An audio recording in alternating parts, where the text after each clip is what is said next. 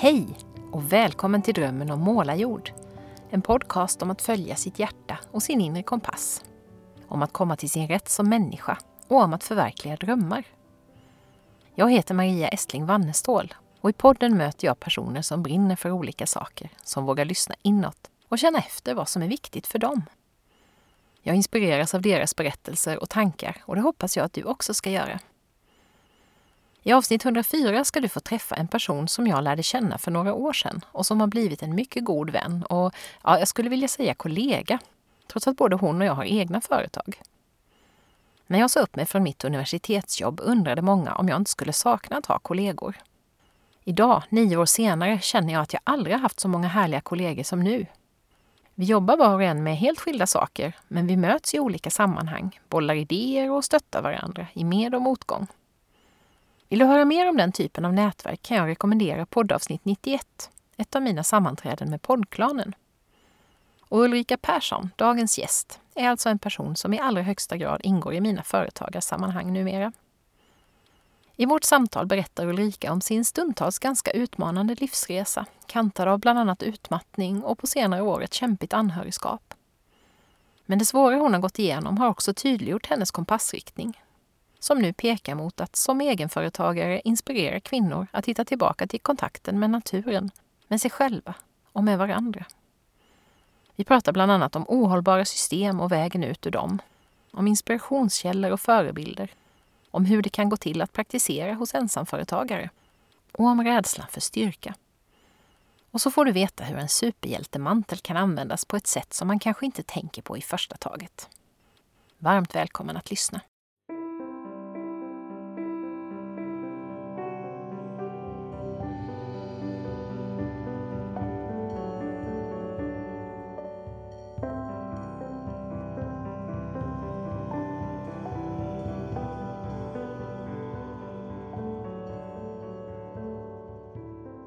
Då Ulrika skulle jag vilja önska dig varmt, varmt välkommen till min podd. Så himla kul att ha dig med här tycker jag. ja, jag känner likadant. Ja, vad roligt att få höra din, din, ditt vackra dalmål också. Bara det är ju en bonus för alla lyssnare. Det vet jag inte om de har fått höra någon prata med sån vacker dialekt tidigare. Spännande.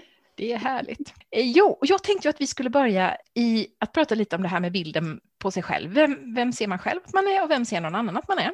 För nu har jag ju känt dig i några år och hunnit liksom skapa mig en bild av dig. Och då satt jag och funderade så här, ja men vad är Ulrika för mig?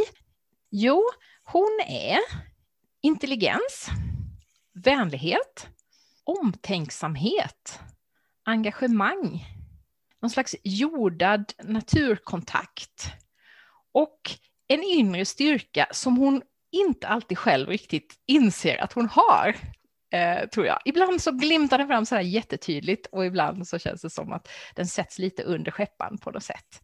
Eh, vad tänker du när du hör mig beskriva dig på det här viset?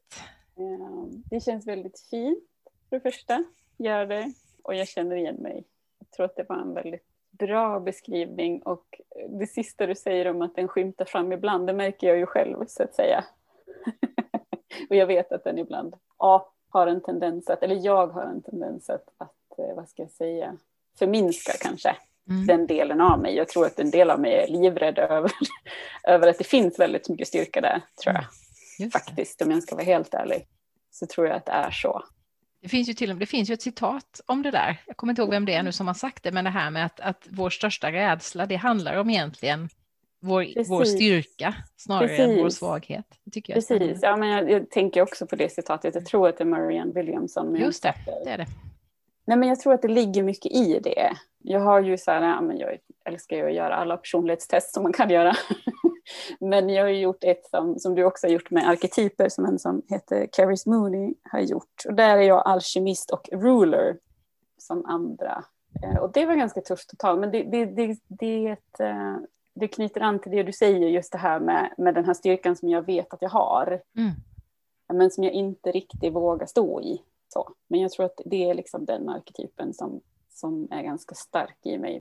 Men som väl börjar blomma ut mer och mer. Det är det jag tänker också, att det är, något, det är som en liten, eh, en litet frö som håller på liksom att bli mm. en planta och, och, växa upp här nu har jag känt mm. under den mm. senaste, ja kanske senaste året. Ja. Ja, det är spännande. Det, det ska så vi känner jag nog också. Ja. Ja. Uh, ja, så det tror jag det, det, det, stämmer. Det är nästan mer läskigt den där ja, men enorma kraften man har i sig. Mm. Som ju oftast andra ser mer än vad man själv mm. gör som du säger. Och så man kan också bli lite rädd för vad ska jag göra med den? Hur ska jag förvalta ja. den? Sådana grejer också tänker jag. Liksom att känner man att man har någonting som, som världen kanske behöver, jaha, det för med sig någon slags ansvar eller Precis. Också, kanske. Precis, och jag tror just det där med ansvar är väl en annan sak för mig som jag ofta får höra. Att jag mm. är, är, för det där är jättekomiskt, jag, jag hatar att ha ansvar, eller det där stämmer inte riktigt, men jag är rädd för ansvar ska jag säga. Mm. Eh, och jag vet att det var någon som, som sa för många år sedan så här, men du är den mest ansvarsfulla människa jag känner. Och fastade liksom inte så är det så här, ja jo jag vet att jag är det. Just det. Men jag tycker att det är väldigt läskigt när det någonstans ligger eh, på mig. Men jag vet också att, jag vet inte vem det var som sa det, men alltså det här med att jag håller på att starta företag nu, att, att det är en, det gör att jag är tvungen att stå i min kraft eller vad jag ska mm. säga. Jag kan liksom inte gömma mig, det blir liksom en, en extra push tycker jag inte om det ordet, men, men, på något sätt så. För att, ja, men det är ju lite att ta ett kliv framåt på ja, vis och säga att här har jag någonting som jag tänker erbjuda precis, världen nu. Precis, för, för att de, när jag väl har tagit steget nu, jag har skaffat företag och jag håller på att skapa en e-bok och jag ska göra grejer, så kan jag liksom inte så här, backa. Eller kan, men förstår du, det, det, det, blir också en, en push för mig själv på ett positivt sätt. push. Mm att faktiskt våga stå i det. Ja, ja. Det är lite som, jag tänker så här, det, det är så blommorna som kommer upp på våren och så här, jaha, hoppsan och hejsan, nu kanske det blir kallt sånt, ja men nu är du uppe så ja, nu, nu, nu får precis. du göra det du kan för, ja, jag vet det. inte. Så. Ja, ja, men det är en väldigt bra bild tycker jag. Mm. Ja. Spännande. Mm. Du, jag har ju blivit lite, eh, jag är ju sådär, jag nördar ju in på grejer och just nu har jag nördat in på en eh, podcast som heter At the End of the Tunnel mm. som jag känner är en, en, alltså en amerikansk systerpodcast känns det som mm. till Drömmen om målarjord för det handlar om precis det jag eh, pratar om, nämligen att följa mm. sin kompass, att göra någonting bra för världen, bla bla bla, det är så mycket igenkänning. Sen är mm. den lite amerika överamerikansk emellanåt, men jag tycker om den och jag tycker om en fråga som Light Watkins heter han som driver den, som han ställer till alla sina gäster allra mm. först. Så den har mm. jag knyckt helt fräckt. Mm. Och då tänkte jag börja ställa den till dig. Och det handlar om barndomen. Det handlar mm. om, finns det någon leksak eller lek eller aktivitet som du minns att du gillade extra mycket när du var barn? Och du kan välja precis vilken ålder som helst. Fanns det någonting som du var extra förtjust i? Mm, fanns det någonting? Det fanns nog mycket. Um, jag tror att Alltså så här, sjunga och dansa, nu pratar jag i och för sig, eller ja, jo men både när jag var ganska, väldigt liten och när jag var lite äldre. Det var någonting som jag tyckte om väldigt, väldigt mycket. Jag vet mm. att när jag var liten, liksom, liten, liten, att, eh, att det var mycket med mormor och morfar. Och så här, när de gick med mig i vagnen så sjöng jag alltid. Och när jag var ute och åkte kanot så satt jag också och sjöng. Liksom, mm. det, var så här, det kanske är typiskt barn, vad vet jag, det kanske alla barn gör tror jag inte. Uh, nej, men det vet jag. Och det var nog väldigt mycket så. Min pappa uh, var eller är musiker och har alltid haft liksom instrument och så. Det mm. vet jag också att jag så här, låg med hans så här, synt och så här, plinkade ljud och så här, sjöng lite grann och sådana saker. Så det var nog det jag verkligen så tyckte om. Mm. Uh, och en annan del av, av det som kanske egentligen på ett sätt var mer vad ska jag säga, tröst, fast i och för sig också lekplats. Vi, när jag växte upp, eh, speciellt när jag var upp till, oh jag tror jag flyttade när jag var åtta, så bodde vi precis vid skogen, eller mm. i skogen ska jag väl säga, det var typ en kilometer till, eller en granne precis bredvid och sen en kilometer bort. Så jag var ju väldigt, väldigt mycket i skogen. Och skogen har ju alltid varit, alltså från när jag var liten och uppåt också, att någon slags tröst tror jag. Om jag var ledsen eller om jag kände att det var jobbigt så var det liksom ute i skogen jag gick. Så. Och det är inte riktigt vad jag tycker om, det kanske är snarare vad jag tycker om. Idag är det mer annat också. Men det är mm. det som kommer upp av den frågan. Mm. Liksom. Mm. Just det. Och musiken, där tänker jag, det, det, är ju lite, alltså att, att sjunga det är ju att uttrycka mm, och på något mm. sätt stå, man behöver inte stå på scen och sjunga, men just det där att man har ändå någonting som man vill få ur sig till mm. världen, tänker jag. Så det är väl någonting som, som hänger ihop med det du ja. eh, gör idag kanske. Och skogen pratar du ju ofta om att ja. den är viktig för ja. dig och så. så att, jag tänker ibland att det där som, som vi gör som barn, det säger ändå någonting om Ja, oss ja. även som Ja. vuxna. Även om vi kan leva helt andra liv och, och göra helt andra saker så, Mm. så är det nog någon, någon kärna där ändå som, som finns kvar. Ja, det finns, och just när det gäller sången och de sakerna så ligger ju det kvar. Eh, nu var det väldigt länge sedan jag sjöng. Jag har ju tagit sånglektioner och jag tycker om att sjunga och jag vet att jag har en väldigt fin sångröst. Men där Mm. är det verkligen den här, ja men att våga stå i det på något Just vis det. tror jag. Mm. Där finns det väldigt mycket som jag, och jag menar, samtidigt så nu testar jag min röst på andra sätt. Så förhoppningsvis så kommer de där och liksom hjälpa varandra framåt Mm. tror jag. Det är någonting jag vill komma tillbaka till, så Ja. kan vi säga, Ja, till precis. den glädjen i det. Just det, och använda Mm. rösten på, på Mm, olika sätt. mm. Ja, vad fint. Men du, hur, hur, var det, alltså, hur var du annars som barn? Hade du någon sån här tydlig bild av vad du skulle göra när du blev stor och så som en del har och sen följer eller som man har och inte alls följer? Fanns det någon kompass eller var du som jag som liksom mest flyade runt och följde närmsta? Nej, jag tror att den, den, den eh, snurrade nog mest runt den där kompassen på Ja. tusen olika saker. Jag vet att jag var väldigt så här, som barn och alltså, gick och testade massa saker. Så jag var på orientering tre gånger, sen tröttnade jag. Ja, jag gick på jazzdans, ja, det gick jag nog lite längre för det var, men du vet, så här, väldigt mycket olika. Så nej, jag, hade, jag tror att jag hade någon så här, om jag ska bli veterinär, fast jag insåg att jag vill inte jobba med sjuka djur. Nej. Ja, men det kanske är djurskötare eller någonting. Men nej, aldrig någon så här väldigt stark eh, kompass eller väldigt, vad jag- att jag vet vad jag vill. Nej. Absolut inte. Det är nog de senare åren, liksom, eller egentligen Mm. ganska många år, men, men som den har mer liksom börjat så här, kalibrera sig och Ja, peka det. liksom, mer rakt, eller vad jag ska säga. Men nej, nej, men det har nog varit så. Det är liksom så här, lite så här hoppjerka, eller du vet, testa tusen Mm. saker. Väldigt rastlös tror jag. Väldigt Ja. eh, dåligt tålamod. Ja, men det känner jag igen från min barndom också. Jag gick sådär en termin på saker och kanske Ja. max ett år, men fastnade liksom aldrig riktigt för Nej. någonting egentligen. Så. Nej, Och så tänker jag att det kan, kan vara lite bra också, för då har man ju också provat en massa saker. Eh, Ja, det ju, behöver ja, inte vara men dåligt precis. bara. Så. Ja, men det är så här, jag vet att, att men det, sen tror jag att det var väl någon grej eh, när man skulle spela instrument och då så min bästa kompis eh, testade cello så då gjorde jag ju det också. Men jag kom ju typ till att lära mig så här köttbullar och lingon som är så här, ja du vet, liksom, en, sen, sen tröttnade jag liksom. Nej, Mm. det önskar jag kanske att jag hade lite mer tålamod. Så att Ja, jag, eh, fast det där är också så här, jag tror att om det är saker jag tycker är roliga, då är jag ganska lättlärd och beroende Mm. på vad det är så är jag ganska lättlärd. Men, men går det inte lätt för mig, då har jag inget. Nej, just det. Så. Ja, men det, det är väl en, en ganska vanlig egenskap egentligen, Ja, tror jag. Eh, jo. Inte minst idag, när, när alltså, jag tänker ungdomar idag som har ett sånt Ja, men det är sånt flöde, det är sånt Mm, tempo, det, är som man, mm. det, ja, det tränar ju inte vårt tålamod, vårt tålamod Nej, sådär nej. jättebra heller. Nej. Så. Men du, hur, hur blev det sen då? För sen eh, utbildade du dig och jobbade och så här. Vad, hur hur liksom såg den eh, resan ut? Eh, ja, för så den år sedan. Hur långt tillbaka ska man börja? Nej, men när jag var 17, alltså andra året på gymnasiet, så blev jag tillsammans med min dåvarande, som jag sedan var tillsammans med i över 13 år. Och vi flyttade till, ifrån Dalarna ner till Göteborg 2000 var det. Och där var jag det där med massa olika jobb tror jag. Och gick en utbildning, en sån ettårig typ komvuxutbildning med Mm. ekonomiassistent och ja, men sådana saker. Det var lite olika. Och därigenom hade jag praktik och därigenom fick jag min liksom första anställning. Så. så så var det och 2010, eller egentligen 2009 ska jag säga, var ett ganska så här omtumlande år. Det var ju också året jag fyllde 30 inser jag. Mm. Så här i, i efterhand, så här, jaha, ja just det, ja ja, okej, det var det var det det var det, det var det vad det handlade om. Vad roligt att jag inte ens har insett det. Ja, det. Nej men där började det knaka en del i det, den relationen jag hade och sådär. Och jag menar, då hade vi varit tillsammans i 13 år, sen vi var 17 liksom. Ja, just det. Då hinner det ju hända väldigt, Det väldigt hinner mycket på hända den tiden. jättemycket. Och, alltså jag har ju mått dåligt ganska stora delar av mitt liv. Haft mycket ångest och, och varit deprimerad på olika sätt. Sådär. Och det där var ju inte så lätt för honom att leva med. Och jag, var, jag var inte så lätt att leva med, tror jag, Nej. helt enkelt. På grund av hur jag mådde. Liksom. Mm. Jag hade inte verktygen att hantera det. Så det var nog egentligen väldigt lång overdue, men i alla fall. Och där typ från november till februari, alltså november 2009 till februari 2010, där var det en jättetuff period där jag knappt sov på så fyra Mm. månader eller någonting.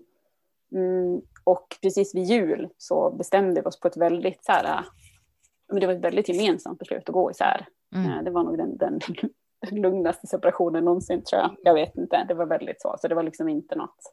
Väldigt ömsesidigt. Då. Ja, väldigt Mm, ömsesidigt. Det beslut, såklart. Liksom. Mm. Men det gjorde ju att när den liksom tryggheten, jag menar det var ju så, jag, jag var 30, jag skulle fylla 31 liksom. Och jag var singel för första gången i Mm. mitt liv. Jag bodde själv för första gången i mitt liv.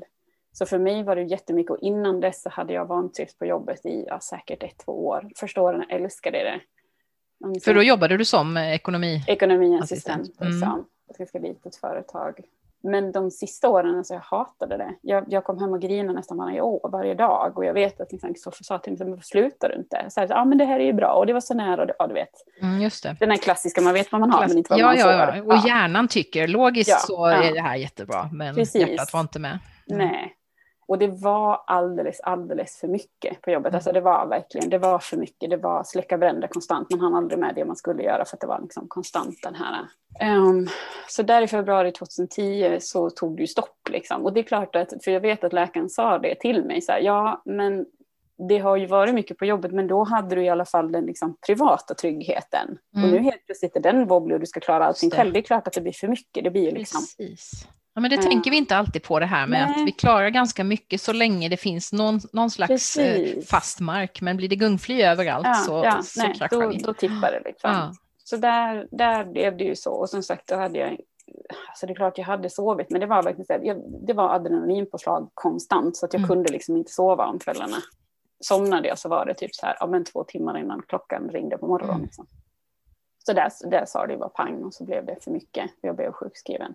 Och jag var inte det jättelänge tror jag, men, men eh, det var ändå nog länge för att, men det är så klassiskt tänker jag, du vet när det kommer en kris och så blir det en paus så att Mm. man liksom får reflektera och få lite distans och sådär.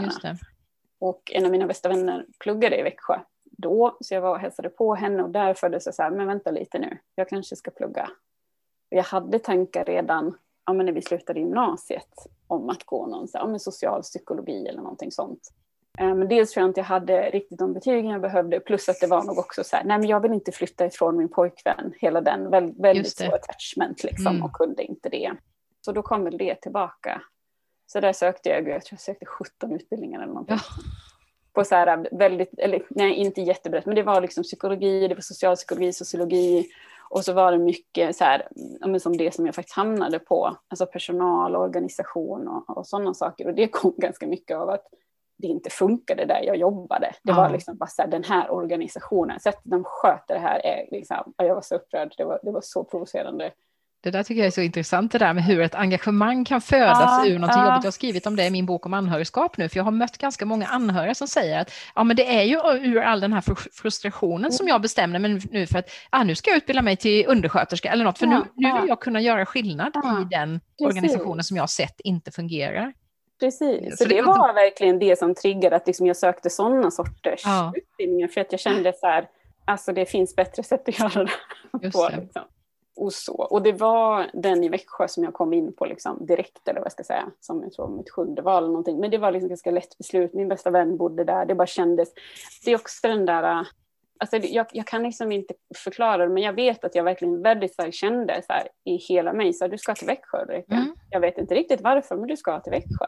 Och då var det så här, Det- okej, då ska jag till Växjö då. Men det är ju så vi. det är ibland. Ja, Som jag ja. brukar säga, platser hittar sina människor Ja, ibland. ja, Det är inte vi som hittar dem, Nej. utan ibland så.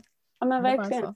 Och jag menar visst, någon skulle ju säkert säga ja men det var inte så konstigt för logiskt du hade kommit in och du hade det. Ja men det är klart som sjutton att det påverkade men det som faktiskt tog beslutet det var den där känslan Mm. av att säga, ja men så är det, du ska dit. Liksom. Så där fanns ju en ganska tydlig kompass då, om vi Oh nu ja, hade sagt ja, att det inte ja, var så tydligt innan. Så där, Definitivt, och det hade nog exempel? påbörjats, liksom, det arbetet i ganska många år mm. tror jag. Den, den sambon jag hade, hans mamma var väldigt så inne på personlig utveckling och positivt tänkande och hade liksom hyllmeter med sådana böcker Mm. och jag slukade dessa. Alltså. På gott och ont ska jag väl säga. just Det det. har hjälpt mig jätte, jättemycket men det också problematiserat vissa saker så kan man Ja. säga. Mm. Så att jag tror att kompassen var väl liksom mer och mer också just, men just mot detta, att följa intuition, intuitionen Mm. och, och vad hjärtat och vad, vad känslan säger mer än logiken. Mm. Det. Den som sa att du skulle vara kvar på ditt jobb för att det var tryggt och nära och, Ah. och bra, den, eh, mm, den rösten hade Mm. börjat att tystnar lite mer och så Ja, fanns det lite mer av precis. den andra då. Ja, precis. och jag tänker just det där när det blir en paus, alltså när du, när du nu går in i väggen eller du blir sjukskriven Mm. för någonting, alltså när någonting liksom ganska omvälvande händer. så- Kastar så upp får- bollarna i ja, luften lite precis. så ja. Mm. Och då är det, det är lite som att så här, alla de här vanliga reglerna gäller inte riktigt och då tror jag också att då är det lättare att komma i kontakt Mm. med, ja, med den andra guidande liksom, Ja. på något vis. Nej men så där hamnade jag och pluggade i tre år och tänkte att, ja men för, alltså, jag och min sambo det var verkligen så pensionärs, pensionärsliv på soffan. Mm. Alltså, det, var, det var vad vi hade gjort liksom. Så det var nog lite så här, men nu ska vi ta igen det jag skulle ha gjort när jag var 20-25. Och det var ju det, som mina klasskamrater var ju tio år yngre än mig. Liksom. Ja. Ja, det var ju en resa i sig självt. eh, och jag tänkte så här, ja men det här blir bra, kan jag leka av mig upp till de här tre åren? Jag tror att det gick ett halvår och sen bara så, åh gud, vart är min man och mitt hus? Just Kan det. jag liksom så. Gud, jag känner igen det också. Ja, ja verkligen så liksom. Ja. Ja, herregud. Men det var roligt. Liksom. Det är, jag är ändå väldigt glad att jag gjort det, även om det var sjukt tufft på så många sätt, många gånger. Så det gjorde jag och tog min kandidatexamen och där så hade jag ju, alltså jag tog inriktningen socialpsykologi och när Ja. jag började läsa socialpsykologi så insåg jag att jag vill fan inte jobba som någon personalare, jag ska Nej. inte förändra världen liksom. Vadå i en organisation, det, det räcker Mm. inte liksom. Nej. Så där kom nog också, eller där kom vet jag mitt, alltså vad ska jag säga, samhällsengagemang och ja, men det var lite som att vakna, det var lite så Pandoras ask. Alltså. Ja. Och så här, aha, vänta lite nu, så här funkar ju världen. Och allt det här är ju fullständigt fucked up, liksom, alla system och, och Ja. kulturen som råder och sådana saker. Så det var nog väldigt stort uppvaknande. Ja.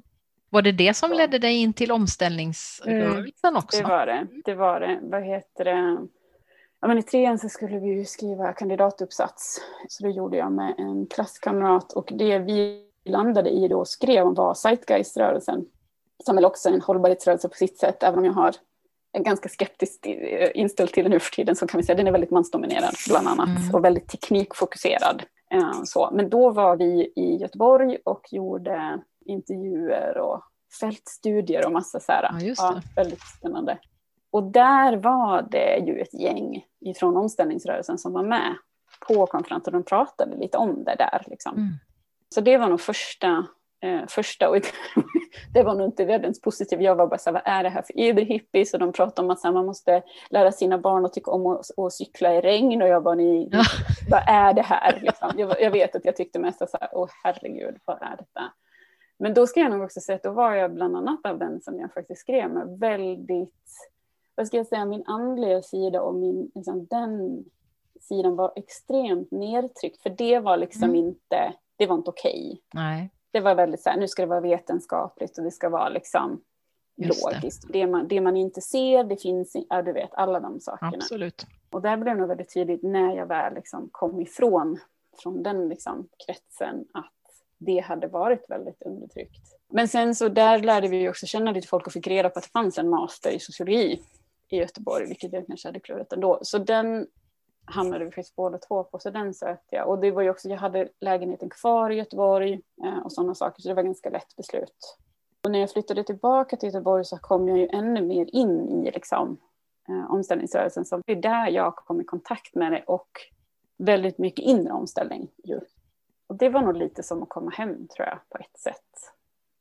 För, Och vad, var det, vad var det i det du kände som, för jag har ju också varit mycket i den Ja, inre omställningen mer än den yttre. Precis. Men Precis. Nej, men, jag menar, det är ju det jag tycker är intressant på många sätt. Jag tycker det är otroligt intressant och fascinerande och viktigt med liksom, alltså, vad ska jag säga, makronivån. Med strukturer och system och liksom alla de sakerna. Det, Mm. det tycker jag. Men, men jag menar, där det liksom, vad ska jag säga, bultar lite extra, det är ju snarare men det inre. Jag tror att jag förstår mig själv, hur jag fungerar och hur andra fungerar som individer. ty- Det har jag alltid tyckt är jättefascinerande. Jag tycker Mm. det är otroligt, och det är därför jag gör en massa personlighetstester. Ja. Att det är så här, ja, men ett om vem jag är och hur jag Ja. funkar och varför och sådär. Och sen så tror jag att där fick väl också den här andliga sidan av mig plats. Ja. För det var liksom okej i de kretsarna. Mm. Och jag kom från en krets där det var väldigt så nedtryckt. Mm, så jag tror att det var det. Jag tycker väldigt, om jag tänker på eh, alltså det här eh, poddklanen vi hade om samtal. För det sa jag då också, det är det, jag tycker ju om djupa samtal. Jag tycker om när det liksom får vara ja, men djupt och ärligt liksom, Mm. på något vis. Och det fanns där Mm. i den kretsen. Vilket jag kände var väldigt, väldigt skönt. Mm. Lite komma hem eh, känsla då eller? Ja, och där hade ju också, också väldigt mycket det här, ja men alltså med, men man ska säga vad, vad som händer med jorden utifrån liksom alla icke-fungerande system och strukturer vi har. Mm. Så då kom det nog väldigt mycket in på det. Så där var nog, det var liksom, vad ska jag säga, nästa uppvaknande eller vad ska jag säga, mm. när det gällde de sakerna. Så det var, ja men det var, det var nog, sen så tror jag att jag menar på ett sätt var jag väl ganska vilsen också. Så. Mm. Och där, där tror jag att det hade kommit ikapp, alltså när jag, när jag pluggade de där tre åren så funkade det ganska bra. Det var väl kanske sista året som jag började bli väldigt trött igen. Men jag kom till Göteborg, alltså jag var så trött. Mm. Det förstår jag ju nu, så här, ja men mattad fortfarande. Och jag tror ja, också att, just det. Att, att jag menar, en anledning till att jag överhuvudtaget klarat de åren tror jag, det är för att, ja, men för att jag kunde styra min tid själv. Det var ju liksom, vi hade, vad hade vi lektioner? Två, tre gånger i veckan, två mm. timmar mm. kanske. Och resten kunde jag styra tiden själv. Eh, så det gjorde ju att jag orkade. Och det var inte så mycket mer i Göteborg, men där var jag väldigt, väldigt, väldigt, väldigt trött vet jag din paus hade inte varit tillräcklig helt enkelt. Nej, du, du nej, drog igång nej. för snabbt ja, där som ja, är klassiskt. Ja. Um, ja, ja, ja, men väldigt klassiskt. Problem också, ja. Jag var nog väldigt vilsen överhuvudtaget och kände så här, nej men nu behöver det hända något, så här kan jag inte ha det. Mm. så. och kände mig extremt ensam också, tror jag. Mm. Så, att, så att det gjorde väl till, tänker jag, varför det var så skönt att hamna i ett sammanhang, liksom. Mm. Där jag kände mig sedd och hörd och liksom välkommen. Och så. Mm. Och var det då du träffade din nuvarande sambo jo. också?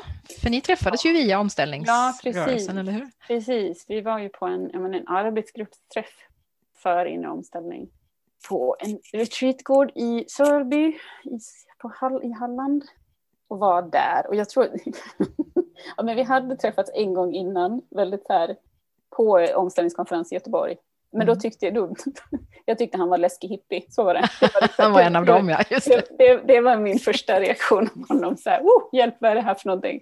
Men, men eh, däremot när vi sågs då, där eh, början på året 2015, så, så kändes det helt annorlunda.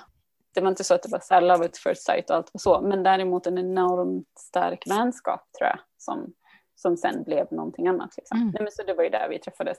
Eh, och det här var ju alltså då eh, den terminen jag skulle skriva min eh, masteruppsats. Men jag blev kär istället och mådde ju jättedåligt i Göteborg. Alltså det var ju det också, jag ville ju till landet, eller jag ville åtminstone till en mindre stad. Det var jättejobbigt att inte ha någon tur omkring, det var alldeles för mycket folk. Det var bara jätte, jättejobbigt och det var lite sådär, och hösten innan där um, så hade vi haft statistikkurs inte min starka sida. Plus att det var så här jättespäckat schema. I vanliga fall som sagt kunde jag styra min tid. Men nu var det så här lektion var, eller ja, men någonting att göra varje dag och så skulle vi ha presentation varje fredag. Liksom. Mm. Och jag fattade ingenting. Ingenting. Och det var ju säkert dels för att det var statistik och dels för att jag var helt slut. Liksom. Så där tog det stopp. Där fick jag enorma panikattacker. Bland folk dessutom, vilket jag mm. aldrig varit med om. Ångest har jag haft mycket, men för mig själv. Liksom. Ja, just det. Så det blev för mycket. Um, så där var det liksom, så den, den gjorde jag inte klar.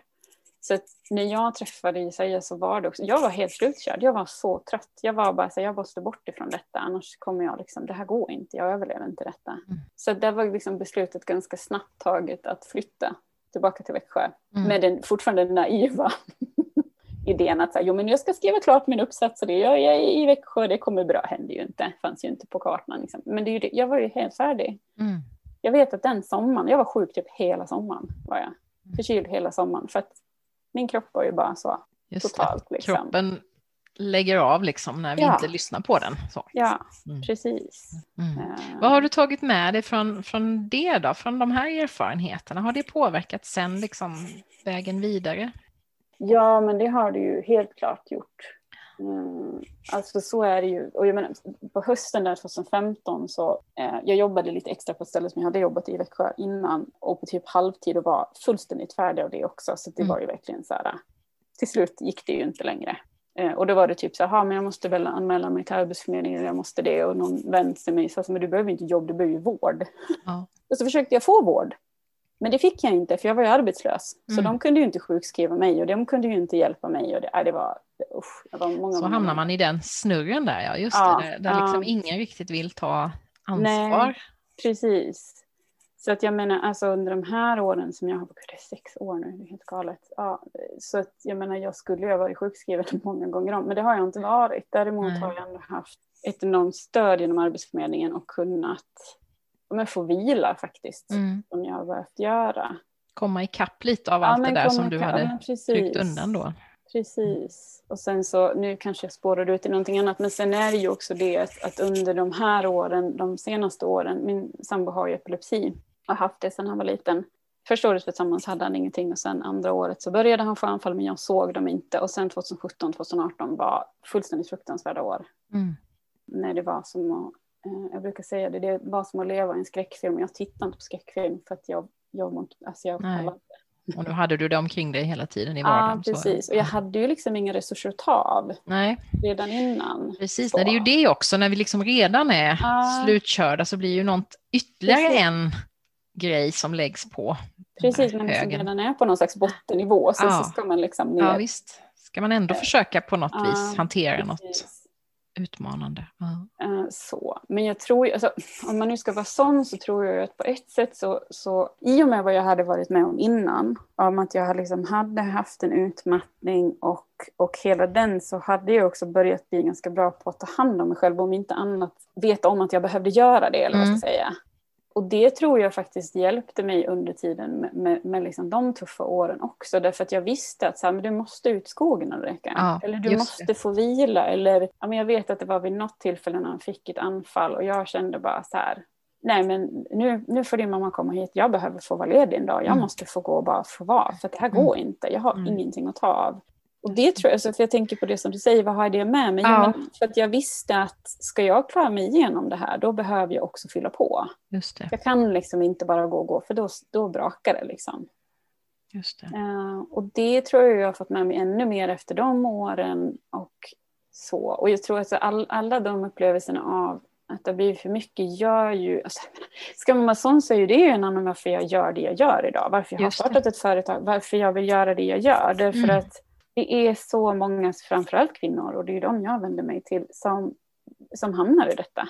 Som hamnar i utmattning som liksom inte har något överflöd att ta av, utan det är liksom, man tar på liksom reserver som inte finns mm. på något vis. Och jag vet hur viktigt det är, och för mig har ju liksom naturen varit A och O på något vis, för att jag mm. ska orka med. Så det där, och att jag haft stöd, mm. och haft kvinnor omkring mig har också gjort att jag liksom orkar. Så jag tror definitivt, eller tror, det är ju så. Det har ju såklart påverkat jättemycket varför mm. jag är där jag är idag, hur jag, hur jag lever mitt liv och vad jag skapar och vill skapa mm. för andra. För, som, som, som är eller har varit i samma situation som mig. Liksom. Mm. Så så är det ju. Helt Men det är det, och det, det är ju så det är ju häftigt på något sätt att det här som är så skitjobbigt som vi går igenom, att det kan, det kan bli någonting som ändå är det som sen liksom, ja, hjälper oss med den där kompassnavigerandet, vi mm. lär oss att se varningssignalerna, vi blir bättre på, i bästa fall, så är det inte för alla, men för mm. många ändå, eh, blir bättre på att ta hand om oss själva. Vi hittar mer riktning mm. där för att vi vet vad vi inte vill ha. Precis. Och vi har sett någonting som vi känner att ja, men det här skulle jag vilja mm. min tid åt. Man, det har liksom blivit tydligt vad som är viktigt och sådär. Mm. Så jag tycker mm. det är så häftigt och så viktigt att ta med sig, för det känner man ju inte när man står där och det bara är jobbigt. Så känns det nej, som att man aldrig tar slut. Det här finns ingen mening med detta och det är bara, bara, bara eländigt. Men jag har ju mött så många människor, både i podden och nu när jag har gjort mm. mina anhörigintervjuer mm. för boken och sådär, som, som har beskrivit precis det här. Man har gått igenom något skitjobbigt. Det kan vara anhörigskap, det kan vara mm. jobbutmattning. Ofta kombineras det, det har jag ju insett mer och mer, hur ofta det faktiskt är så. Ja. Att jobbstress och någon typ av anhörigskap eller någon annan mm. tung mm. ansvarsroll, liksom privat, ja men det gör precis som det, det där du var inne på i början, mm. det blir för mycket. Ja, det blir en sak till liksom, det här går inte. Och så rasar man ner och så känns det förfärligt och mm. det kan du ju fortsätta göra men mm. många kommer ju också till den där insikten om ah, men vad är det jag vill göra med mitt liv då och Precis. hur kan jag ta hand om det, mig och sådär. Precis, och jag tänker på eh, just det här med, med liksom rädslan kring Isaias anfall och allt det som, som har suttit så himla hårt. Eh, för det vet jag ju att, att vad berättar, åh gud, det blir alltså hösten 2019 så gick jag i, i terapi just för att få hjälp med rädslan kring det. Eh, sen ska jag inte säga någonting mer om den terapin, för den var inte så bra generellt. Men det som var intressant var att det som kom ut av det var Okej, så här då. Jag gick dit för att möta rädslan kring det, fast också väldigt medveten om att det här handlar inte bara om det. Det här handlar om liksom någonting annat också. Men det som, det som kom var liksom att jag mötte rädslan av att, att använda min röst basically på Instagram. Liksom. För jag hade så här, jag ville dela mina ord och jag ville dela vad andra kvinnor gjorde. Och det fanns en rädsla för men vad ska de här tycka? Framförallt mm. Typ den där killen där som var en av de här vetenskapliga dudesen. Liksom. Och väldigt nedsättande eh, person. Och jag tror att i och med att jag någonstans, ut, eller någonstans såg liksom rädslan kring anfallen i ögonen så, så, så såg jag också annat. Ah. Det var väl lite också se, okej, okay, nu har jag gått igenom ett helvete i två år här. Och det har jag överlevt. Det här och, och synas där, det, det, alltså, det där andra var läskigare. För då var det någonstans så här, ja men då blev det lättare på något sätt. Det blir någon slags proportioner och perspektiv på saker och ting kanske då. Precis. Så, så, ja. Ja, jag, jag, tänkte på det här, för, för både du och jag tror, jag tror vi har en ganska bra, eh, liksom ett ganska bra bagage med verktyg, strategier, mm. sånt som vi har plockat upp och, och vi har ju också inspirationskällor som mm. vi gärna använder och sådär. Så jag skulle vilja höra lite mer om, mm. du, du, var ju inne på din, din före detta svärmor där som hade hyllan ja. med självhjälpsböcker. Det är ungefär så som jag också har haft en före detta svärmor då som, som ja. jag, jag kom in liksom på den här personliga utvecklingsbanan, mm. så det känner jag igen också. Men sen har du också genom åren, liksom, du har hittat mm. kvinnor som du pratade om mm. som har kunnat inspirera eh, och du har hittat verktyg. Vill du berätta lite grann om vad har varit dina viktigaste verktyg och inspirationskällor? Ja, precis, vad har varit det? Jag vet ju att det är många, men... men det är många, du är en av dem, så är det faktiskt. och den här podden, alltså det är lite så här, det känns på ett sätt ganska så här, jaha, ska jag vara med i den här podden där, där hon och hon och hon har varit med och där jag får knys om den här och den här och den här genom Maria. Liksom. Så det känns väldigt, väldigt hedrande och fint. Ja, Ja, vad har jag för några? Det finns säkert jättemånga, men jag tror att alltså Conway, Susanna Conway som ju henne fick jag en nys genom dig och framförallt ja. då just det här Unravel-materialet och, och, och hitta... Det här nyårsmaterialet ja, som vi gör både det, du och jag. Det tror jag har, just den här introspektionen för att få syn på vad, vad vill jag och vad är det som och också ha ett, ett ord som någonstans kan liksom ledsaga en på något vis. Genom året ja. Eh, genom året ja, och det har gjort jättemycket för mig, de orden jag har valt under åren. Måste och i år säga. har vi nästan samma ord, var ja, det inte precis. så? Jag har ju den öppna handen. har jag, ja, ja. precis. precis. Eh, jag hade först surrender and receive och sen kände jag så här, för det är lite så här, och det vet jag att Conway också brukar säga så här, att när du väljer ett ord, liksom, var också beredd på att mm, då händer det saker och det är så här, jag kan inte välja surrender och surrender inte som i, i ge upp utan snarare släppa taget och det var mm. bara så här, nej gud, då kommer du få släppa taget hela tiden och det, nej, det vågar jag inte. så då fick det bli open istället. Eh, men det tror jag har gjort jättemycket för mig. Hon är ju väldigt, och faktiskt också alltså inspirationskällan när det gäller att sköta ett företag på sättet hon gör. Det är också mm. så här, hon är också vattenman så, så därför kanske jag känner igen mig lite extra mycket mm. så hon går sin egen väg. Men det inspirerar också. Så det finns andra sätt att göra det på. Just jag måste det. inte ha ett vanligt kontorsjobb om det är inte det jag vill. Utan Nej, man kan tydligen göra onlinekurser och överleva på det. Just det. Kanske, vi får väl se. Så hon har ju varit liksom en sån. Och genom henne har jag ju kommit i kontakt med det är lite roligt för jag har ju precis gjort en hemsida och de här fem personerna som jag kommer nämna är de jag också nämner ah, på hemsidan tror jag. Och det är för att de har betytt så mycket. Och genom henne så kom jag i kontakt med Jamie Riddler och Megan Gensch. Uh, och Jamie har ju varit, det har varit väldigt så stor katalysator. Hon har ju en, en, en studio yearbook som hon kallar det, alltså en, en journal som är liksom fill in the blanks, det är alltså en dagbok helt enkelt, mm. en sida för varje dag, där du liksom kan dodla och färglägga och massa sådana saker. Och för någon som kände som jag är inte kreativ överhuvudtaget, jag är ju ingen kreativ varelse, och börja med den och inse att jaha, nej, det var jag ju visst det. Det var du visst det, precis. Det, var visst det är den där kranen som man skruvar ah, på och så plötsligt gud, bara liksom. puff. Ja, visst. Jag menar att, att jag sitter vid ett skrivbord här nu, det har med den att göra. Mm. För att det var så här, men vänta lite nu, det hade varit skönt att ha den framåt, tänk om jag kunde ha alla mina färgade pennor någonstans. Så det har liksom, den har varit en jättestor katalysator för mig. Mm. Rekommenderas varmt kan jag ja. säga. jag kan ju lägga upp alla, länkar till alla de här vi pratar om här sen i mm poddavsnitt. Så hon har ju varit en jätteså. Megan Grinch är också en sån som, men hon pratar väldigt mycket om magi och magi hennes är alltså vad är det hon säger, moments of connection with vad man nu, source eller vad det nu är för någonting. Uh. Och det där tror jag, det, det, jag gillar det. Och hon är väldigt bra på att så här, få en att, hon ställer what if-frågor. Alltså, uh. tänk om det är så här eller kan det vara så här? Det. Och det har hjälpt mig att skifta väldigt mycket. Och hjälpt mig väldigt mycket tror jag. Öppnat upp mig för saker. Det är det där med perspektiv igen, som vi var inne på lite förut. Ja, att se liksom, saker från andra vinklar. Ja. Mm. Så det har varit väldigt så.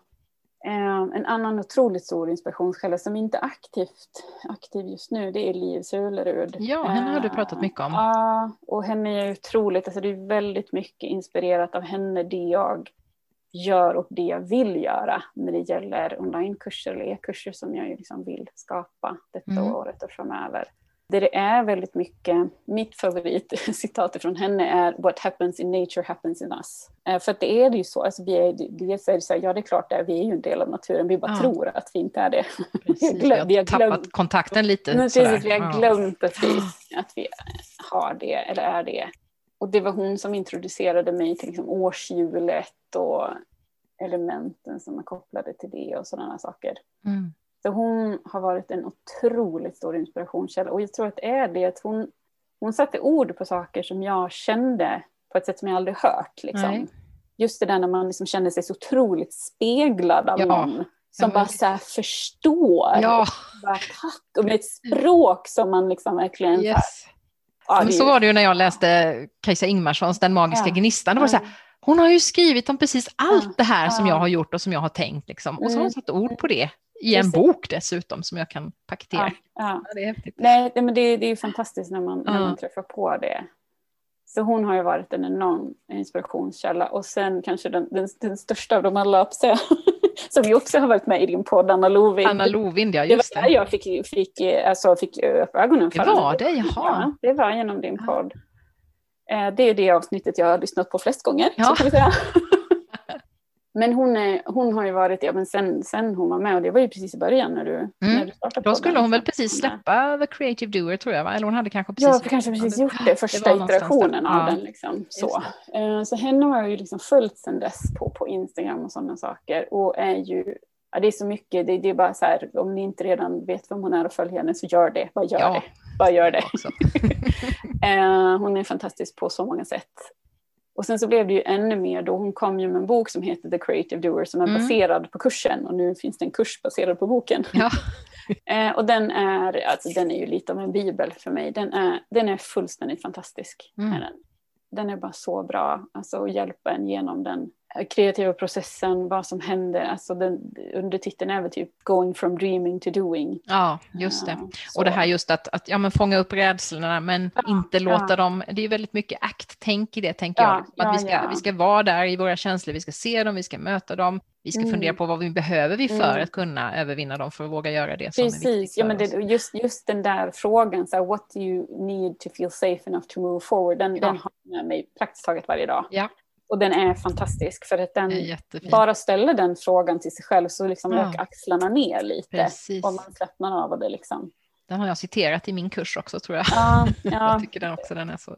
Ja, jag tycker det, det, det, är, det är så fantastiskt bra. Så den du, boken... gått, du gick ju hennes kurs också, ja, precis, så du har ju inte bara läst boken precis. utan också Nej, varit med i interaktion och Precis, för att jag fick ju ett, ett stipendium till den i början på 2020 och det var fullständigt life changing. Mm. faktiskt. För att, för att kursen i sig är liksom fantastisk, kursen i sig. Men det som jag tror är mest, eller kanske kombinationen, är ju communityt som mm. är. Um, för att vi har ju liksom ett forum på Might Network, heter det. Och det stödet som är i den gruppen mellan kvinnorna som är med är, eh, alltså den är enorm. Mm. Den är helt fantastisk. Just det och i forumet men också utanför forumet. Mm. Och det har, det har betytt mer än vad jag tror att jag förstår mm. faktiskt. Ja men det är ju det som jag brukar prata om, det här med att när man ska göra saker, alltså ingen klarar att göra allt sånt här Nej. själv. Vi behöver stöd och de här vandringsstavarna som jag brukar prata om som kan vara just, det kan vara sånt konkret stöd av mm. människor, det kan vara de här begreppen eller mm. frågorna mm. vi behöver ställa till varandra, varandra eller oss själva och sådär. Det är så mm. otroligt viktigt och jag tror att det är det som ofta saknas när folk faktiskt mm. inte tar tag i drömmar eller ja. gör ja bryr sig om den här kompassen eller så, det är ju att man har inte det där bolstret runt sig som liksom Precis. hjälper en framåt. Precis, och kanske inte heller förebilder. För att jag menar, Nej. nu har jag redan nämnt dig och det är ju igen, för det är ju det om vi nu pratar om, liksom, om ja, men dig och Sara och Lisa också, praktiken som jag ju hade förra Mm. året med er. Alltså det har ju också varit en enorm katalysator och av samma anledning Mm. på många sätt. För att det har funnits liksom den här gruppen av, av kvinnor som dels gör liksom det jag vill göra, även om det inte är exakt det, men ni gör det på ert sätt och liksom så och har samma värdegrund. Och också ha stödet av dem, några som tror på en. Just det. Alltså det är, det är så otroligt essentiellt Mm. känner jag. För Mm. att, för att alltså, jag, jag tror jag hade inte suttit här utan kursen och det stödet där och er. För att det hade varit, och, och även om jag inte hade haft liksom, det direkta stödet så hade det ändå hjälpt. Men alla de kvinnorna jag har rabblat upp har ju, är ju förebilder, för de gör ju det jag vill göra på sitt sätt, på olika sätt. Men det är liksom ändå någonting annat. Ja, men det, det visar ju att det är möjligt på något vis. Ja Alltså, men det, precis. eh, Och just- just att ha er, vad ska jag säga, fysiskt i närheten. Ja. Ju, det är liksom en extra, för det är också så här, ja men det är de där borta. visst, ja, men det kan ju kännas Men- ouppnåeligt på ett ja. sätt. Ja, visst. Så att Så- ha någon, någon ganska konkret när, närliggande Mm. Ja, förebild eller inspirationskälla eller vad man nu Mm, mm. tänker, det kan ju vara en, en fördel. Absolut. Precis. Du, vi det- ska gå in på det här med företag och Mm. praktik och så alldeles strax. Jag skulle bara vilja att du berättar om en, ett av sånt där verk, som jag tycker är ett verktyg som du har lärt mig. Och det Oj, är det här med superhjältecapen. Kan du inte Ah. berätta om den? Den är så Jo, fin. det kan jag. Jag älskar den. Alltså, jag önskar att jag kunde ge alltså, ett upphov, vem det är som har gjort den här seriestrippen eller vad jag ska säga. Det är helt enkelt två serierutor. Där ena, ena så står eh, superhjältinnan som det är. Med sin liksom, superhjälte-cape och liksom i superhjälte-pose och är väldigt sådär. Och sen i andra bilden så ligger hon under capen och liksom gömmer sig lite så. Eller hämtar kraft beroende på hur man ser på det. Och jag tycker den är så den är så fantastisk på så många sätt, därför att det är så här det känns. Ja, Och det är, också, det. är så här det är, du, kan, du står inte i den superkicken. Och du behöver få hämta kraft någonstans Ja. för att kunna stå i den. Eh, och den där hjälper mig otroligt mycket de där dagarna när man känner så här, men jag vill bara gömma mig. Liksom. ja.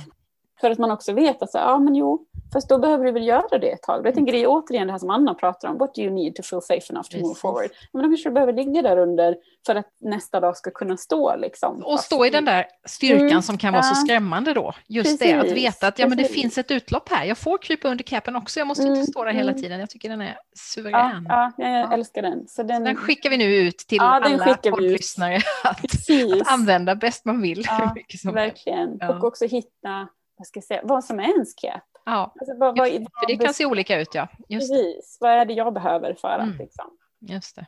Hitta kraft och styrka? Ja. Mm. Ja, vad fint. Men du, det här med företag nu då. Hur, hur, du, du var ju inne lite grann på det, att det kom lite grann ur den här, eller kom mycket kanske ur den här eh, utmattningen och känslan av att jag behöver kunna styra min tid eh, till exempel, och, och, eller överhuvudtaget styra ramarna för mitt Mm. arbetsliv mer. Men, men var det tydligt från början att ja, det är just företagsformen eh, det ska ske, eller hur, hur fick du den idén? Åh, vilken bra fråga. Alltså jag, jag, tror, jag tror egentligen att det var så. Eller jag vet att jag väldigt länge har tänkt så här, okej, ja men du kommer inte hitta ett jobb i en jobbannons Ulrika. För det finns ingen jobbannons som, som, det finns liksom inget färdigt jobb, du kommer behöva skapa det själv. Eh, jag tror att paletten efter ett tag redan ner till, aha, det, det betyder nog att du ska ha ett eget företag Ulrika. Just det. In, inte att du magiskt ska kunna fixa en tjänst som ser ut som du vill ha det. Alltså tanken på att ha eget och göra det som jag liksom är i färd med att göra nu, den har funnits i många, många, många år egentligen tror jag. Mm. Jättemånga år. Eh, och jag var igång, ja, men jag tror att detta var kanske 2016 och sen så kom alla detta anfallen och det fanns liksom ingen, det fanns ingen geist till någonting. Och sen när jag fyllde 40, också så här klassiskt, tänker jag. Yes. Eh, Det finns något citat av, ja, precis, av, av Brené Brown som är ungefär så här, ja men midlife det är när universum tar det om axlarna och så bara så här, nu, nu, nu, stop, stop messing around liksom. Nu är det det. dags att ge av dina gåvor till världen liksom. Mm. Ungefär så. Och det var väldigt mycket den känslan jag hade när jag var 40. Och där i den, den vändan också så tog ett kontrakt slut där jag jobbade då. Och jag kände men det är inte här jag vill vara, det är inte det här jag vill göra. Mm. Jag vill göra det här som jag håller på med nu. Och bara så här, ja men då, då, det var också de här orden som guidade. För året innan där då så hade jag Yes Love. Och det handlade väldigt mycket om att varje beslut jag tog att välja ifrån kärlek istället för rädsla. Var det Mm. liksom så här, om säger du ja till det här, då är det för att du är rädd. Då ska du inte göra det. Och där blev det väldigt så här tydligt, nej men då ska jag inte förlänga det här kontraktet. Nej. Så ska jag sluta. Du fyller 40 några dagar efteråt, ska du på riktigt slösa bort din tid och ditt liv på någonting som inte känns rätt. Liksom Nej. det, större delen av det året var, eh, alltså 2019, det var re- rehabilitering för jag var Mm. fullständigt färdig. Jag var så trött och slut. Mm. Liksom. Eh, men sen då mot hösten så kom det ju krav från AF, nu måste det hända något. Liksom. Och där var ju ja, men, på lite så här, ja men här kanske du kan vara. Och jag vet att jag satt i ett möte då med en, en så här, eh, handledare, eller vad jag ska säga, och började prata om det här med eget företag. Och hon bara tittade på så här, men du ska ju inte vara här. Nej. Det är ju det här du ska göra. Ja. Och det var så här, ja, ja det är det ju. Wow, vad coolt att få det speglat av någon som... Ja, ja det var, det var, och det var liksom inte så här, nej men du kanske inte ska, det var verkligen så här, men du ska inte vara här. Nej. Det, det här är ju inte vad du ska göra, du ska ju dit, det är ju jättetydligt. Ja. Lite så att jag nästan var läskig själv, för jag kände liksom hur ryggraden så här blev, blev rak och jag Ja. så pekade med handen, så här, det är dit jag ska.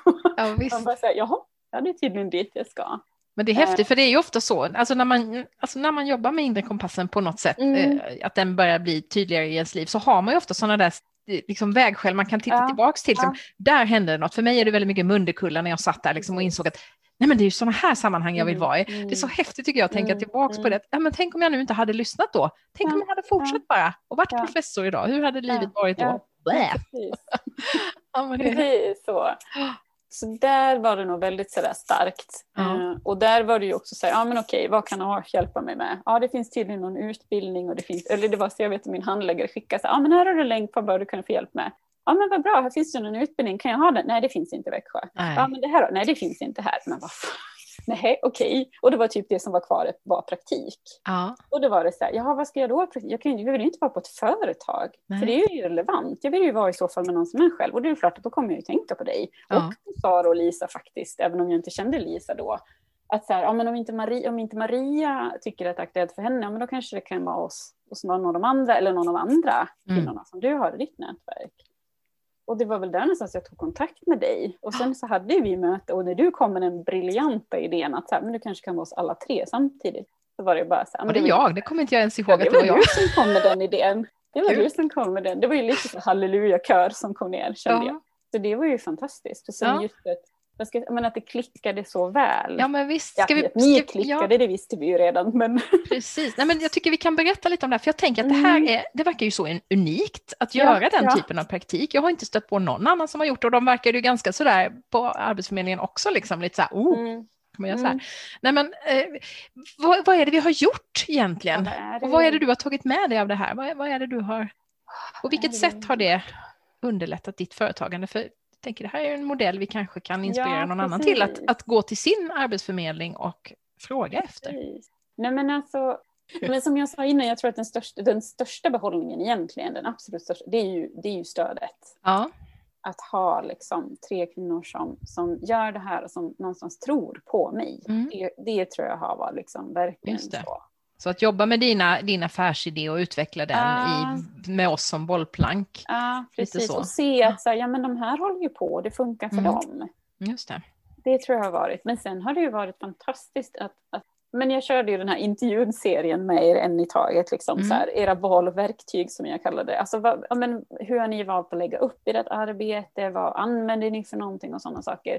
Det var ju jättenyttigt bara för, för så här, ja, men, samla information om vad finns det för alternativ. Mm. Och också faktiskt i så sätt följa min kompass. Okej, det här hon pratar om här, det här verkar, det här tycker jag, eller så här, nej gud, det där vill inte jag Nej, göra, så vill inte jag ha precis. det. Att plocka upp det där smörgåsbordet och kunna Ja, se vad är det på det precis. som, som tilltalar mig. Precis, det, det var liksom guld värt, känner jag. Att få en inblick i ja, men hur, hur det funkar, hur det kan funka. Och jag tänker att det är den där speglingen igen. Vad känner jag mig igen med och vad gör jag inte i? Och Mm. faktiskt som sagt checka av med sig själv. Ja, hon gör så och tycker det är fantastiskt. Men för mig känns det där jätteskavigt.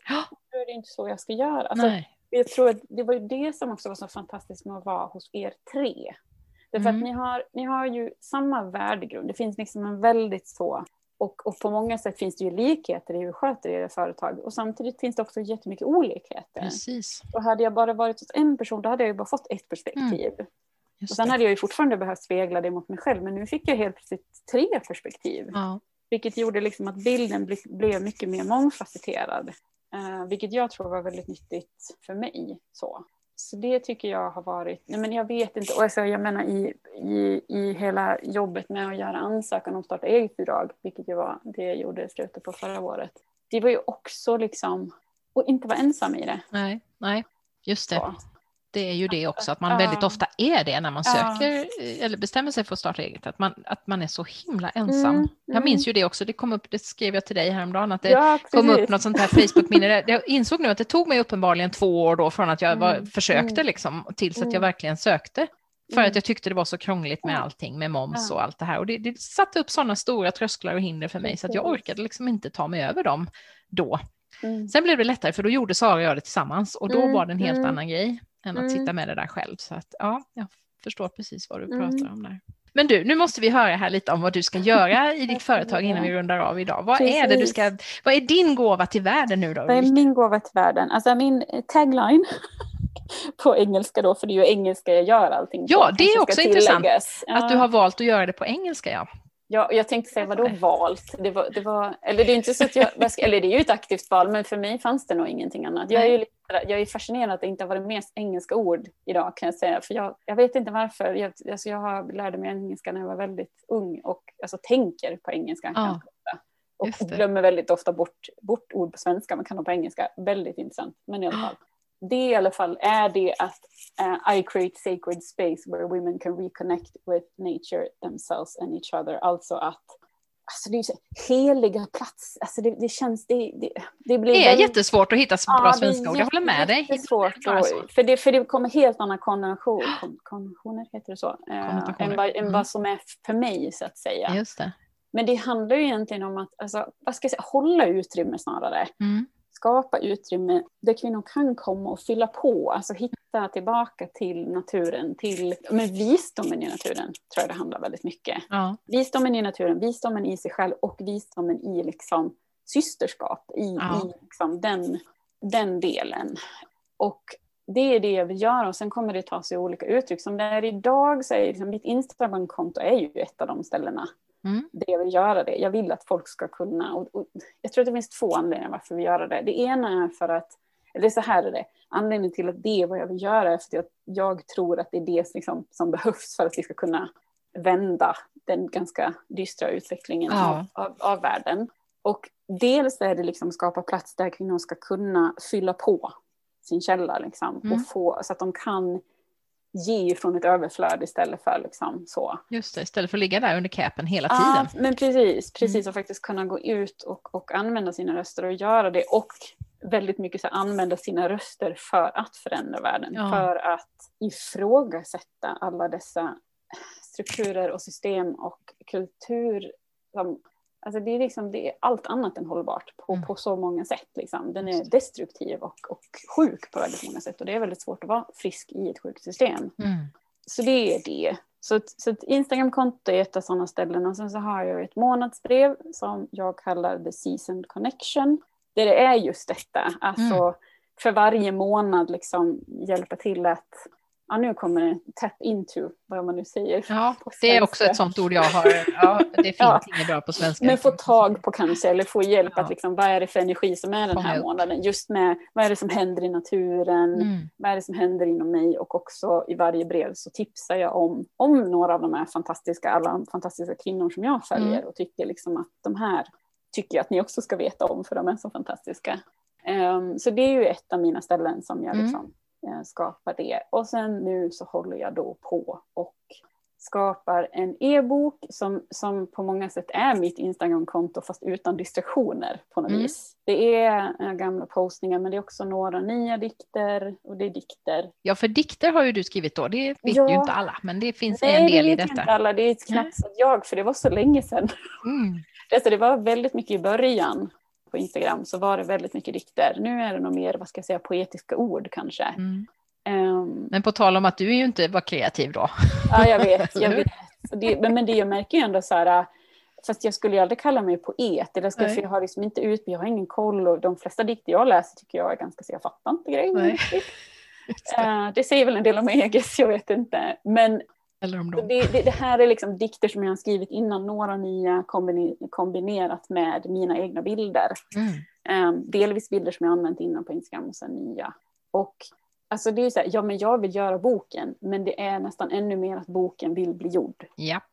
Så är det. Och det här är något som Anna Lovind också pratar mycket om, alltså co-creation. Att, men att, att kanske inte bara fråga sig själv, vad vill jag göra? Utan vad vill bli gjort genom mig? Genom mig, just ah. det. Och där tänker jag både på, jag tänker på Aktivt hopp, som ju du var den som, på tal om begrepp och, och grejer som du har introducerat för mig, det var ju mycket via, via dig jag, jag eh, fick syn på den. Där mm. pratar de ju också om det, vad vill bli mm. gjort genom mig? Mm. Och så mm. tänker jag på Elizabeth Gilberts um, Big Magic, som ju pratar mycket om det här, att vi liksom vi fångar upp idéer och sen, ja men det, ja. det är på något vis, de finns ja. där och sen ja. ska de kanaliseras genom någon av oss och sen ibland görs det på flera ställen samtidigt. Eh, mm. Det är ju häftigt, men, men, ja, men just det där känslan av att det är inte bara jag som styr det här, utan det här är faktiskt någonting som, som vill komma ut. Det... Och så känns det väldigt mycket med boken och eh, min plan är ju, och den vill, födas på vårdagjämningen nu, alltså den 20 mars, vilket är om en och en halv vecka. Och det är just att jag får panik när jag säger det. Eh, och det är jätte, jätteläskigt på massa, massa, massa sätt. Eh, och, och, alltså, det är jätteläskigt att den ska ut i världen och det är jätteläskigt så. Men det som jag nästan tycker är mest läskigt är ungefär så här, ska jag få det här gjort i tid? Mm. Och egentligen inte så mycket så ska den bli klar i tid, utan ska den bli klar i tid utan att jag är fullständigt utpumpad. Ja, det är ju det ja. För, det är otroligt det. viktigt Precis. för mig. För det är klart att jag kan liksom göra ett så här hustle culture. Ja, men nu får jag pusha mig själv och jag får jobba hårdare, jag får göra det. Mm. Och varje gång den tendensen kommer så får jag typ så här, stopp, nej. Nej. Vad kan du skala bort Ulrika? Vad är det som ska bort? Inte hur ska du göra det här snabbare eller bättre eller mer, utan vad är det som behöver bort för att det här ska bli av? Mm. Och jag menar, det är klart att jag kommer vara trött, herregud, jag kommer vara så trött när den är ute. Men det är en sak att vara trött. Jag tänker på det här som ja, Kajsa Ingemarsson ja, hon ert, beskriver det så bra. avsnitt. Precis, ja. nej vadå, jag är utmattad igen. Och så är det så här, fast det är skillnad. När man är på rätt ställe och ja, gör rätt precis. saker så blir man, precis. man kan bli utmattad, men det är inte den återhämtningen nej, som nej. det är om man är på, på fel plats. Precis. liksom. Ja, så där är jag sen är det klart att det är jätteläskigt också, men sen så får jag försöka också påminna mig själv om som, gud tjatar om Anna, men det är så, hon är de största inspirationskällorna. Nej, men alltså, jag vet att hon la upp bara för ett tag sedan om, på Instagram, så här, you're not for everyone. Nej. Och det, är, du, du är inte, det är inte alla, så herregud, det är jättemånga som kommer att tycka att min dickbok är så här, gud vad banalt det här är, och vad är det här för någonting? Och så är det så här, ja men den är ju inte för dem. Nej. Precis som de dikterna som jag har läst som tydligen är jättebra och jag fattar ingenting. Nej. De var inte för mig. De var inte för dig, nej. Så det där så... får man ju också påminna sig och det tror jag man, Det tror jag alla måste göra som mm. väljer någon slags kreativ bana där man ja. vänder sig till en publik. Så tänker jag ju mm. ofta också om mina romaner till exempel. Ja men det är ju ingen som, de kommer aldrig passa in i några kulturella finrum. Mm. Men det är inte de människorna jag vänder mig till, det är inte de jag vill nå.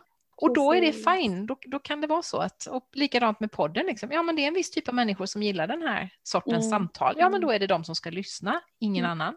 Så att det är väldigt bra. Nej, men det är ju så. Och jag menar som, ja, men det är så här, jag vet inte, det är mycket saker som, som titeln då på boken som är Season Poetry for the Soul. Eh, och det kan jag också, så klyschigt. Och så ja men den titeln kom till mig, den ville heta så. Ja. Och så försöker jag, ska den heta Nej, den ska inte heta det är det den ska heta. Ja, ja, ja okej. Okay. Ja, men visst är det så. Liksom sådär. Absolut. Och jag tror att när det gäller det här så är det också väldigt mycket, men det är ju någon slags portal för mig. Alltså mm. det är klart som sjutton att jag hoppas att folk ska tycka om den. Det är klart som sjutton att jag hoppas att den ska sälja. Det här är min första liksom, inkomst som egenföretagare. Mm. Och det är det jag, jag ska överleva som egenföretagare, så, så absolut. Samtidigt så är det inte så att jag har något här illusioner om, vad vet jag, att den så här, boom, kommer liksom sälja massor, den kommer bli jättekänd. Men det är heller inte det som är det viktigaste. Alltså det, är vikt, alltså det är ju lite så här, tycker en person om den så mycket så att de alltså mår bra av att läsa den, ja, mm. då är allting vunnet. Ja. Och mm. även om det inte är det så är det också otroligt mycket vunnet för mig för att det är mitt första steg. Ja. i detta. Liksom. det. Det är ju någon slags portal för mig och Mm. det är också utifrån det jag har valt eh, priset på den, vilket kommer att vara 11 dollar. För att 11 liksom är så här portalnummer. För det känns verkligen så. Mm. Jag går igenom någon slags portal genom att göra det. Så för mig är det Alltså ibland kan man ju få för, jag är väldigt bra för mig så här i huvudet, nu ska den ut då och då ska det bli så och så blir det jättebra och sen kanske det inte alls är bra för att man, funkar, alltså man pressar sig själv. Men här är det inte den känslan, här är det bara någon Nej. slags, det ska, det ska vara så här. Mm. Kanske Just lite det. som med Växjö, du ska till Växjö, jag vet inte riktigt varför men så ska Nej. det vara. Och det är väl det som, ja, men det är väl det som handlar, som är kärnan på något sätt i att följa den här kompassen. Man vet inte alltid, Nej, men nej, alltså nej, logiskt varför det här känns så himla rätt. Men i efterhand kan man ofta gå tillbaka och se, ja, men det var ju rätt att du gjorde så, för det ledde sen vidare Mm, till detta mm, och, och sådär. Och det var mm. kanske inte, boken kanske inte var liksom ditt storverk, men det kanske öppnade dörrar som gjorde att du sen Precis. kunde göra annat. Så att, ja, jag, jag tror ju jättemycket på att följa den, den känslan. När det Ja, känns så, ja. då, då, är det, då är det rätt. Och det är ju just det där med att följa intuitionen, att du får ju aldrig alla stegen. Det. Ever, liksom. Just Utan det. du får ett steg i taget. Ja. Och så får man ha tillit till det och så tar man det Precis. och sen så tar Just man det. nästa. Ja. Alltså så är det ju. Precis så är det. Du, sista frågan innan vi Ja. eh, kopplar ner här. Eh, då tänker jag lite framtid. Nu nämnde du boken Mm. som är den, i den allra närmaste Mm. framtid. Men sen tänker ju du dig också då kurser och ja, Mm. vad, vad, vad, liksom, vad har du i funderingarna Ja. framåt? Nej, men det jag vet att jag vill göra är ju alltså onlinekurser. Och jag vet inte om kurs egentligen är rätt ord på ett sätt. För jag tror att det handlar väldigt mycket mer om att det ska vara en upplevelse. Mm. Eh, det är återigen det där med Create Sacred Space. Alltså en plats där du kan komma och få vara och få energi och få allt det där. Liksom. Och det jag vill göra väldigt mycket är ju någonstans att ta, vad ska jag säga, dels ta naturen till de som faktiskt inte kan ta sig till naturen. Mm. Men överhuvudtaget få, vad ska jag säga, naturens medicin till sig digitalt. Och, och det jag har tankar, vi får se hur hur gift det här är, jag vet inte. Men, men det jag skulle vilja göra är att göra någon kurs runt sommarsolståndet, eh, någon runt höstjämningen och någon runt vintersolståndet. För att liksom, nej men precis. säga. Och boken som jag har gjort rör sig ju också över årstidshjulet. Liksom. Just. Och nyhetsbrevet handlar ju också om Precis, det här med precis. Och det just, återkommande den, just det här med säsongerna eller med årstiderna är väldigt centralt också i det Mm. jag vill göra årshjulet. Liksom. Så det är liksom min plan och längre än så tror jag inte jag tänker. Och det är så här, ja jag vet att jag vill göra någon slags kurs redan i juni, men vad den ska innehålla och hur det ska, det har jag ingen aning om. Mm. Men jag tror att det är samma sak där som just det här med ett steg i taget. Ja, men nu är det boken. Ja. Och när den har kommit ut, det är, först då kan jag se vad, vad, liksom, vad jag ska någon annanstans.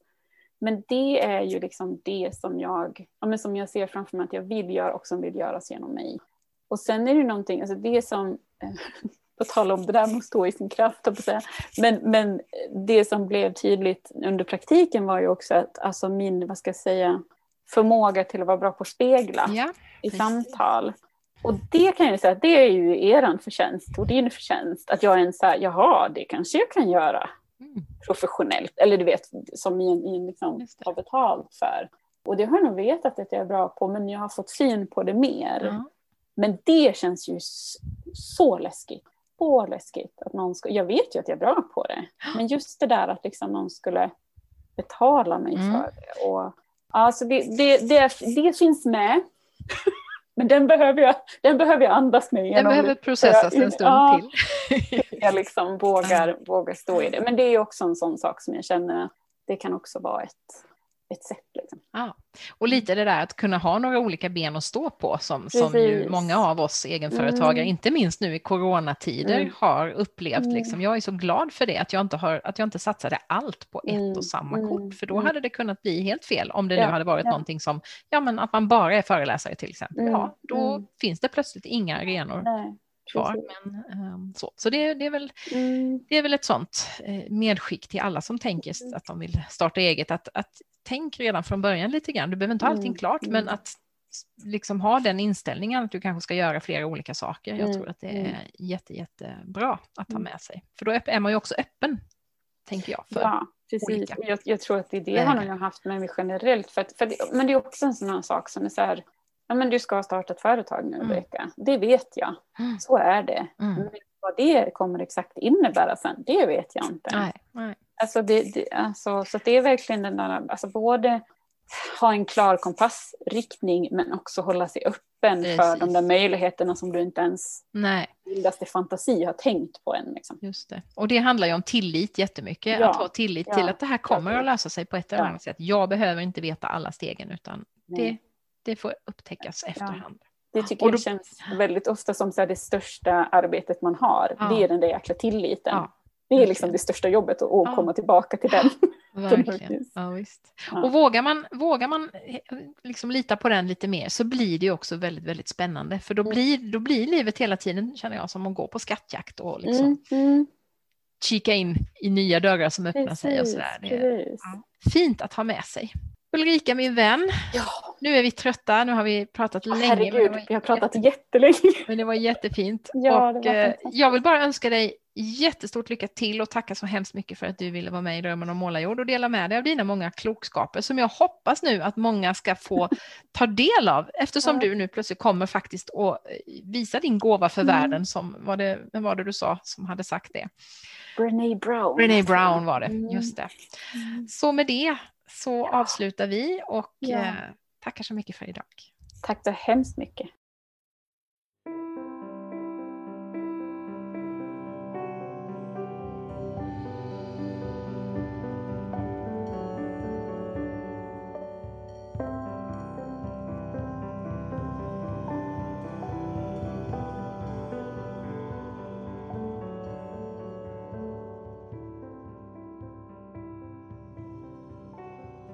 Om du vill veta mer om Ulrika kan du gå in på ulrikapersson.com. På Instagram heter hon Ulrika Maria Therese. Kanske vill du också köpa hennes fina e-bok Season Poetry for the Soul som jag har haft förmånen att få en förhandstitt på och som släpps precis idag på vårdagjämningen. Samtidigt som jag skickar ut det här poddavsnittet i cyberrymden. Jag tycker att Ulrika är ett så fint och levande exempel på en person som både har hittat sin inre kompass och bestämt sig för att våga följa den. Och som samtidigt står i början av en spännande resa. Precis som jag själv och många av mina poddgäster är det ju också flera jobbiga upplevelser som har lett fram till den resan. Jag hoppas att du som lyssnar och som inte känner att du är på rätt ställe i tillvaron, relationsmässigt, boendemässigt, jobbmässigt eller på vilket sätt som helst, kan hitta lite tröst och inspiration i vårt samtal. Kanske kan du ta med dig bilden av superhjältemanteln, som det faktiskt går att gömma sig och hämta kraft under emellanåt. Kanske kan du ha nytta av att påminna dig om de där orden från min tidigare poddgäst Anna Lovind. Vad behöver just du för att känna dig trygg nog att röra dig framåt? Anna är en av flera inspirationskällor Ulrika berättar om och henne kan du lyssna på i poddavsnitt 5. Några andra sådana är Susanna Conway, Liv Sulerud, Carrie Mooney, Megan Gench, Jamie Riddler och Brené Brown. Jag lägger ett gäng länkar på webben tillsammans med en länk till Light Watkins, han som driver podden At the End of the Tunnel som jag nämner i början av vårt samtal. Någonting som jag glömde säga när vi pratade, men som jag verkligen skulle vilja betona, det är att den praktiken som Ulrika gjorde hos mig och mina poddklans medarbetare Lisa Moreus och Sara Norrby Wallin den var precis lika värdefull för oss som för Ulrika. Det vet jag att vi alla tre skriver under på. Det är ju så himla nyttigt att få ett tillfälle att reflektera över sin verksamhet, sina val och verktyg som Ulrika var inne på. Så du som går i starta eget-tankar, dra dig inte för att undersöka möjligheterna att göra någonting i stil med det hon har gjort hos oss. Och skulle du möta motstånd, hänvisa gärna till mig så kan jag förklara hur det kan gå till. Till sist tänkte jag slå ett slag för tre inspirationsbrev Ulrikas förstås. Det som heter Season Connection. Light Watkins dagliga, veckoliga eller månatliga brev. Och så mitt eget, brevet från Målarjord, som jag skickade iväg till mina kära läsare igår. I nästa avsnitt ska du få möta Meg Nömgård, verksamhetschef för Fantastiska sagobygden, inklusive Sagomuseet i Ljungby, som för några år sedan upptogs på Unescos register över goda metodiska exempel på immateriella kulturarv som den 20 platsen i världen och första i Sverige. Tack för att du har lyssnat idag och varmt välkommen tillbaka. Hej då!